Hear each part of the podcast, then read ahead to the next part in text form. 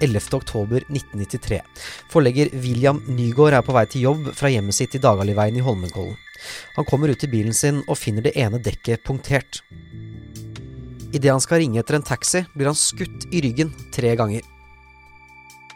I 30 år har en nestor innenfor norsk presse jobbet med samme sak, og i år leverer han enda en metoderapport etter å ha avslørt at en tidligere iransk diplomat nå er sikta i saken. Mitt navn er Nikolai Delebekk, og vi skal utforske stayerevnen. Dette er siste skup.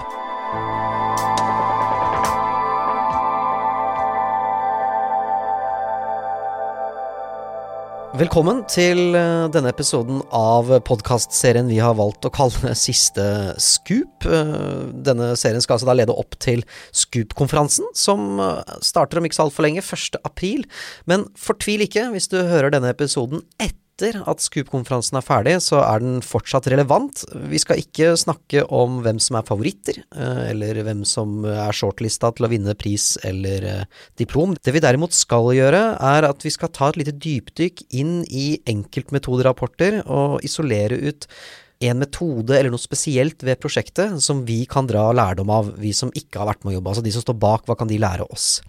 Eh, og i dag så skal vi se på hvordan eh, kan man klare å jobbe og holde motivasjonen oppe når man driver med et prosjekt som drar ut i tid, altså skikkelig langsiktige prosjekter.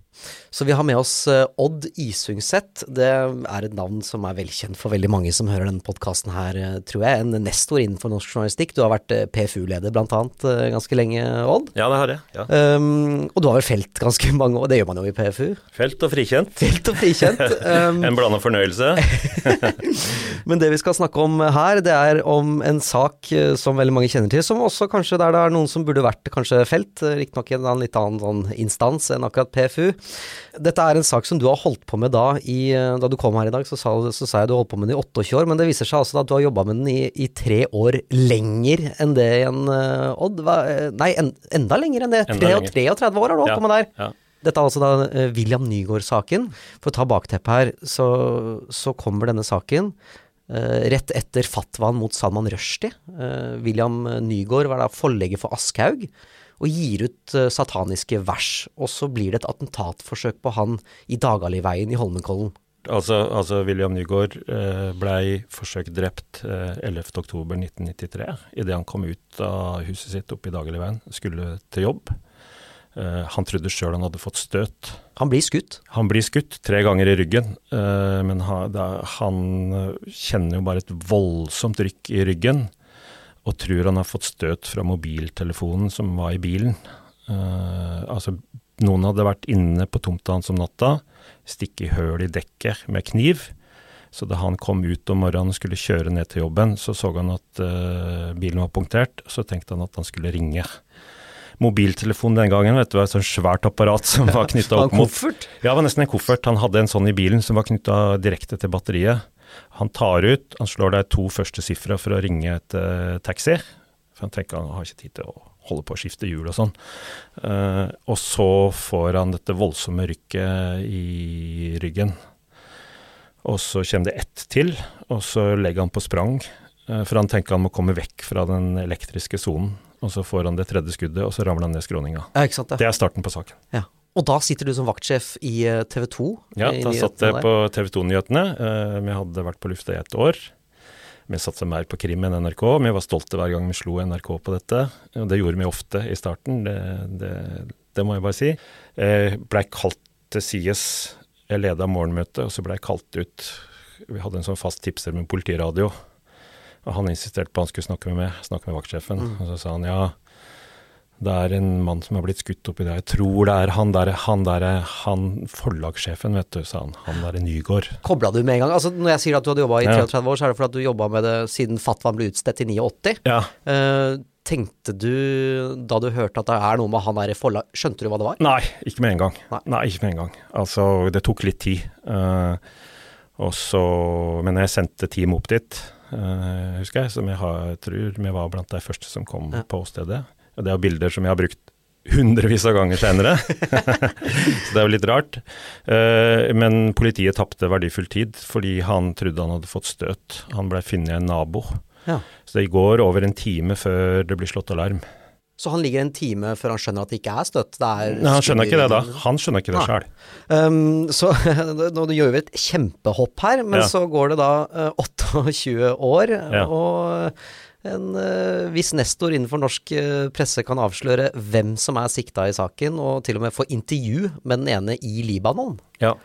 Fortell, eh, skal, altså, fortell hvordan du kom dit, men ja. det blir jo vanskelig. Og vi skal ikke gå gjennom Den kan du lese for øvrig en veldig god metoderapport. Uh, ja. Vi skal snakke mer om liksom, det å jobbe med et prosjekt så lenge. Men kan du kort liksom ta oss gjennom de 28 årene? Vanskelig spørsmål, selvfølgelig. Men. Ja, altså det er jo noen tilfeldigheter i starten, ikke sant. Altså Tilfeldigvis var jeg på vakt den dagen da Det muslimske forsvarsrådet skulle diskutere Faktvann. Da er vi tilbake i 89. Tilfeldigvis var jeg på vakt i 93 da Nygaard ble skutt. tilfeldigvis var jeg også på vakt den dagen William Nygaard omsider skulle holde pressekonferanse ute på Sunnaas. Mm. Det intervjuet er noe av det sterkeste jeg har sett. Eh, for da satt William Nygaard der og sa retorisk til journalistene Tror noen av dere at den iranske ambassaden ikke hadde noe med dette å gjøre? Ikke sant. Satt han og sa. Nå, 28 år seinere, så kunne jeg da fortelle at en av de sikta faktisk var en diplomat ved den iranske ambassaden som, som den kommer jo rundt eh, på et eller annet slags vis, da. Så er det et uendelig antall år imellom her. Eh, jeg begynte ikke å jobbe ordentlig journalistisk med dette før enn i, i 95, altså to år, eh, to år etter ja, for du skriver, jo, du skriver i metoderapporten at du jobber aktivt med den ja. i, i, 26 år. Ja, fra 95. Ja. For da, da, var ikke jeg lenger vaks, da var ikke jeg lenger sjef for noe som helst, holdt på å si. Jeg hadde vært sjef for Dokument 2 en periode òg. Ja. Så da var jeg litt fristilt. Og så begynte jeg med dette. Og øh, Som jeg sa i stad også, metoderapporten den kan jo selvfølgelig alle lese. Det anbefaler jeg alle som hører på å gjøre også. Den er veldig interessant. Um, og vi skal ta for oss, og bare så det er sagt, kanskje det aller aller morsomste med selve metoderapporten er når du kommer til uh, hva er nytt-delen i metoderapporten. For da er det liksom Det er fire sider med, med skriftstørrelse tolv omtrent. Uh, og er det to bøker, tre ja. dokumentarer eh, Det er så mye, da. Ja. Så det, uh, man får jo åpenbart mye ut av et prosjekt som varer så lenge. Men uh, det vi skal snakke om i dag, det er rett og slett hvordan man holder motivasjonen oppe så lenge. Bare for, bare for å starte der, Odd. Er, er, dette ditt ettermæle journalistisk? Ja, det er jo den største saken jeg har jobba med, og den, og den, viktigste, sånn som jeg ser det. Naturligvis så er det det. Altså det har jo prega store deler av mitt liv, mitt yrkesaktive liv, egentlig. Uh, litt sånn i rykk og napp, da. Mm. Uh, altså Jeg har jo ikke holdt på med bare dette, jeg har holdt på med ganske mye annet. Men har den hele tiden ligget bak og surra? Den ligger der og surra fordi at jeg føler at den er så viktig og så stor, og fordi at den er uløst. Og fordi at den peker fram mot en av de viktigste konfliktene i vår tid. Ikke sant? Altså 1989, fatwaen er et tidsskille. At noen skulle finne på å forsøke å ta livet av en forlegger som ikke har gjort noe annet enn å gi ut eh, bok, altså gjort sin forleggergjerning, det var jo helt umulig å forestille seg før enn dette faktisk skjedde. Så det er et, eh, det er et eh, tidsskille, og Norge blir satt på prøve. Mm. Det er litt av motivasjonen og drivkraften. Vi blir satt på prøve når det gjelder forsvar for ytringsfriheten, det er det ene. Men politiet blir satt på prøve, og politikerne hadde vært satt på prøve ganske lenge. Mm. Og så er det også innom at du føler litt på en sånn skuffelse når du kommer med nye ting og nye elementer i saken, og det ikke plukkes opp av andre? Ja, jeg blir litt sjølopptatt, da, men, men, det er klart at jeg tenker at denne saken er såpass uh, altså at den er så stor og viktig at jeg må, må, innrømme det. At jeg har veldig ofte håpet at noen andre journalister faktisk skulle uh, bry seg, skulle grave litt. Eh, fordi Føler du litt at du er aleine mot det? Jeg, jeg, jeg, føler meg litt sånn uh, At jeg har vært litt aleine om dette. Uh, det har jeg gjort. Uh, samtidig som jeg liksom tenker at det er naturligvis kult, det, på ett plan, å eie hele saken sjøl. Men, men baksida av dette er jo at, eh, at, jeg liksom føler at noen ser på meg som en sånn monoman tulling. ikke sant? Altså, Odd sitter og sysler med det her aleine, liksom. Ja, nå kommer han drassende med den Nygaard-saken igjen, og hva er det som har gått uh, galt opp i huet hans? Det er litt sånn, da. Det er noen skruer som ikke helt passer sammen. så, så, så, alltid når jeg skal snakke om det, så må jeg egentlig begynne med å, å, å nesten ta litt sånn forbehold. ja, men, så, føler du at du må unnskylde deg sjøl, er det det du sier? Ja, av og til så gjør jeg det. Ja. da jeg fikk den store journalistprisen for dette, så var det noe av det første jeg sa i, i takketalen. At tenk at en sånn monoman tulling som jeg kan, kan oppnå dette. Ok, ja, det, er, det, er jo, det, er, jo, et aspekt ved et type sånn langsiktig prosjekt, da, som også andre kanskje føler på. Og, ja. og, det å skulle mase til sin egen redaktør, det å skulle mase til sine kolleger, komme drivende med en sak som du er den eneste som jobber med, uh, kan man føle seg litt ubetydelig oppi det hele når det tar så lang tid? Ja, eller litt sånn Altså, vi kjenner jo alle noen sånne, ikke sant. Vi kjenner alle noen sånne, eller som er betrakta som Å, nå ja. kommer han med den igjen, og han er bare, eller hun, eller er bare opptatt av det. Jeg skal mase om dette nå igjen ja, det har søren meg lagd nok på dette. Det er jo en sånn, Jeg har jo sittet på andre sida og vært eh, redaktør eller prosjektleder, ikke sant. Og du, du, du treffer jo noen sånne, eh, på godt og på vondt, da. Eh, så jeg har følt av og til at jeg har måttet uh, unnskyldt meg litt for å komme med dette, og så har jeg bitt tenna sammen, og så har jeg tenkt at jeg skal søren meg Jeg må komme et langt steg videre før jeg publiserer et eller annet neste gang.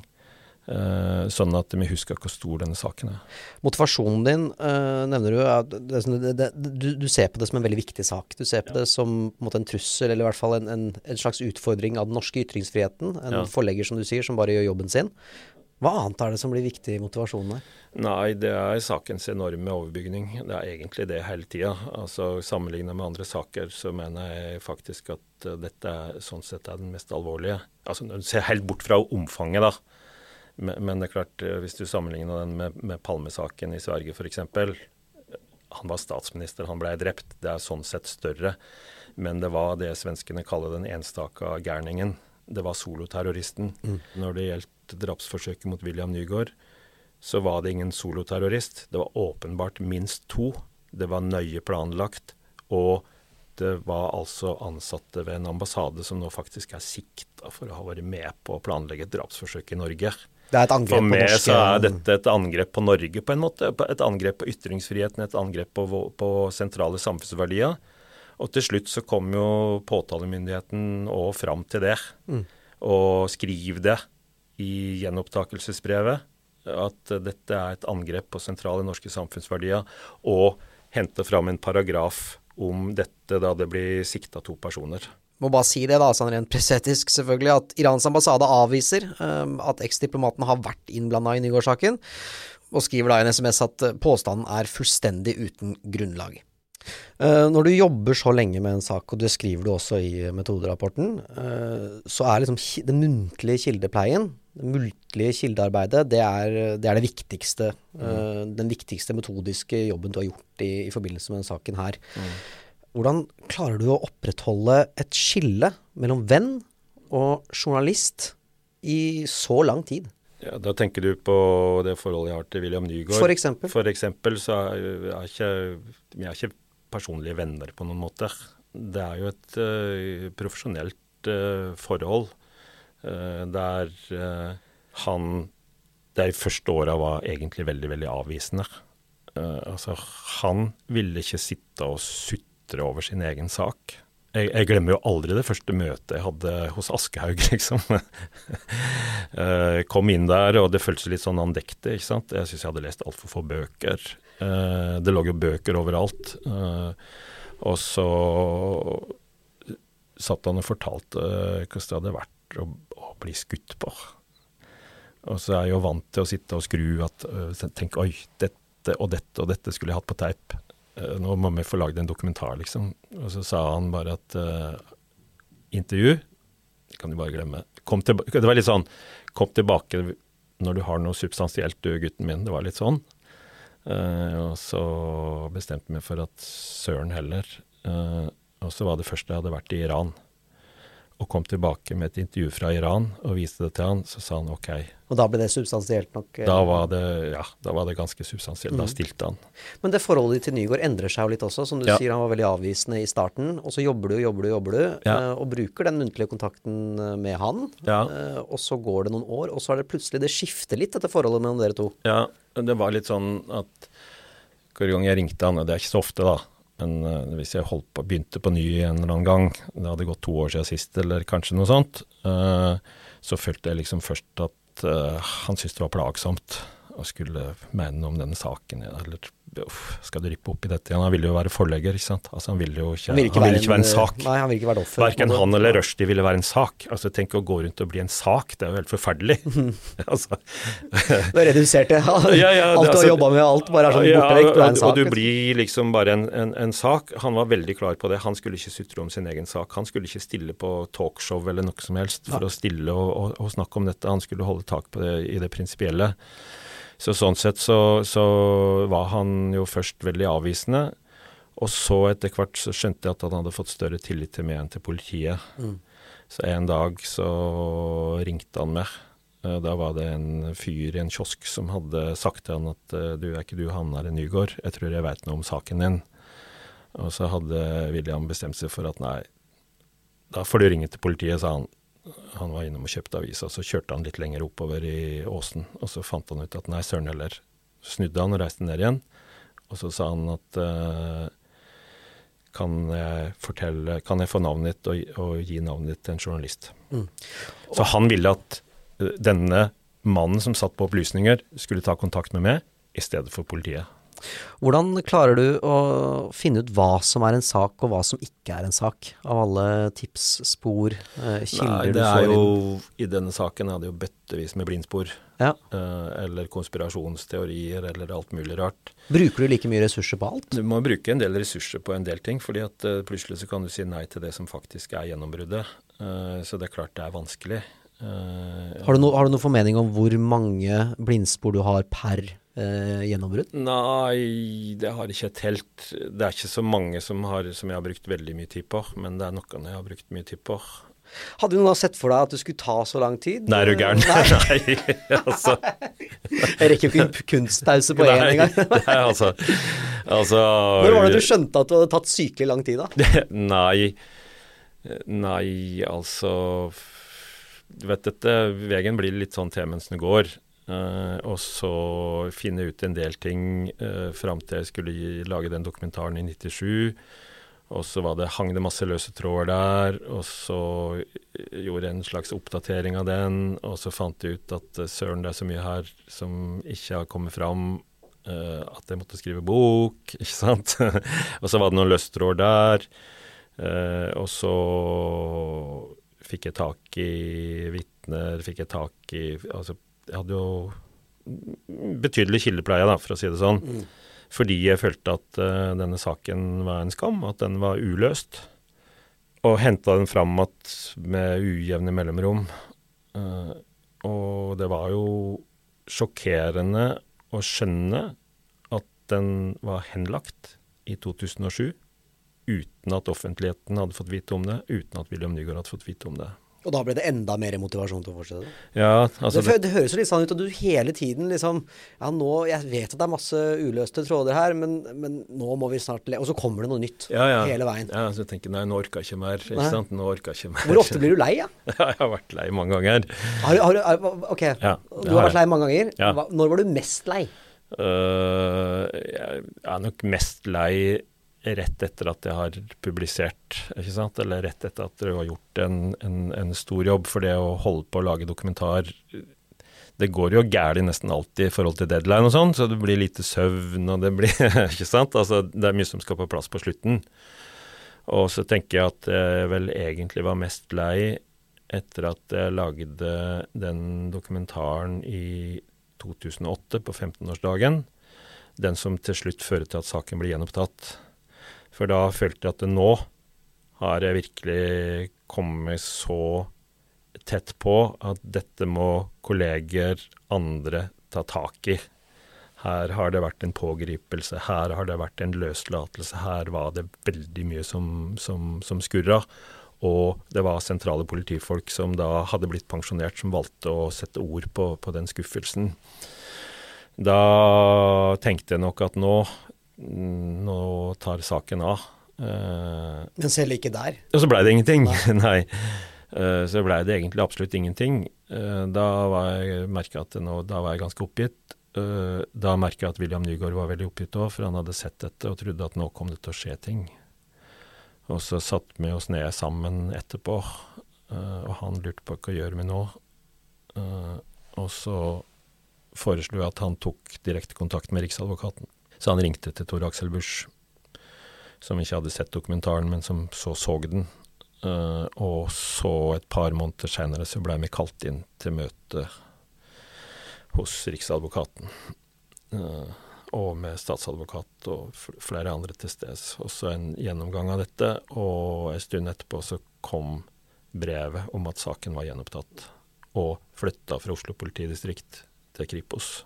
Uh, det er resultat. Det er jo det er konsekvens, tenker konsekvens, jeg. da. Hvis vi er opptatt av journalistikk som skal, gi, som skal føre til konsekvenser, så, så, var det Det var oppløftende. Så da da switcha, liksom, jeg, switcha jeg fra å være lei til å bli gira, da. Ja, skulle du si, for at, da får du litt sånn bevis på at motivasjonen din faktisk har en verdi, da. Ja. Og at det er en verdi å holde det gående, selv om kanskje ikke alle andre journalister ser det. Så, så ser i hvert fall Riksadvokaten kanskje det. Ja da, nei, men ikke sant. Og i det, det det ble kjent at saken både hadde vært henlagt uten at noen Altså, og at den var gjenopptatt, det blir jo uh, det er jo en viss størrelse over det. Mm. Um, hvilke råd vil du gi til noen som sliter med kanskje å holde motivasjonen oppe da, i lengre saker, uh, hvor de får sånne dupp i motivasjonen, uh, og kanskje sliter med å finne gjennombruddet fordi at det er vanskelig i et langt løp? Hva, hva, hva tenker du å si til dem, fra en mann med erfaring på området? nei, nei, hold ut. Men det er jo ikke noe oppskrift. Nei, av og til så er det lurt å snu bunken på ny, da. Gå tilbake på det jeg har skrevet, eller det jeg har notert, eller et eller annet sånt, f.eks finne ut om det er noe jeg har glemt. Uh, følge med i tida. Er det noe som gjør at uh, jeg kan snakke med kilder på ny nå? Uh, tid gjør det jo enklere for folk å fortelle om noe som de tidligere ikke ville snakke om. Da tenker jeg på politifolk som har gått av med pensjon, f.eks.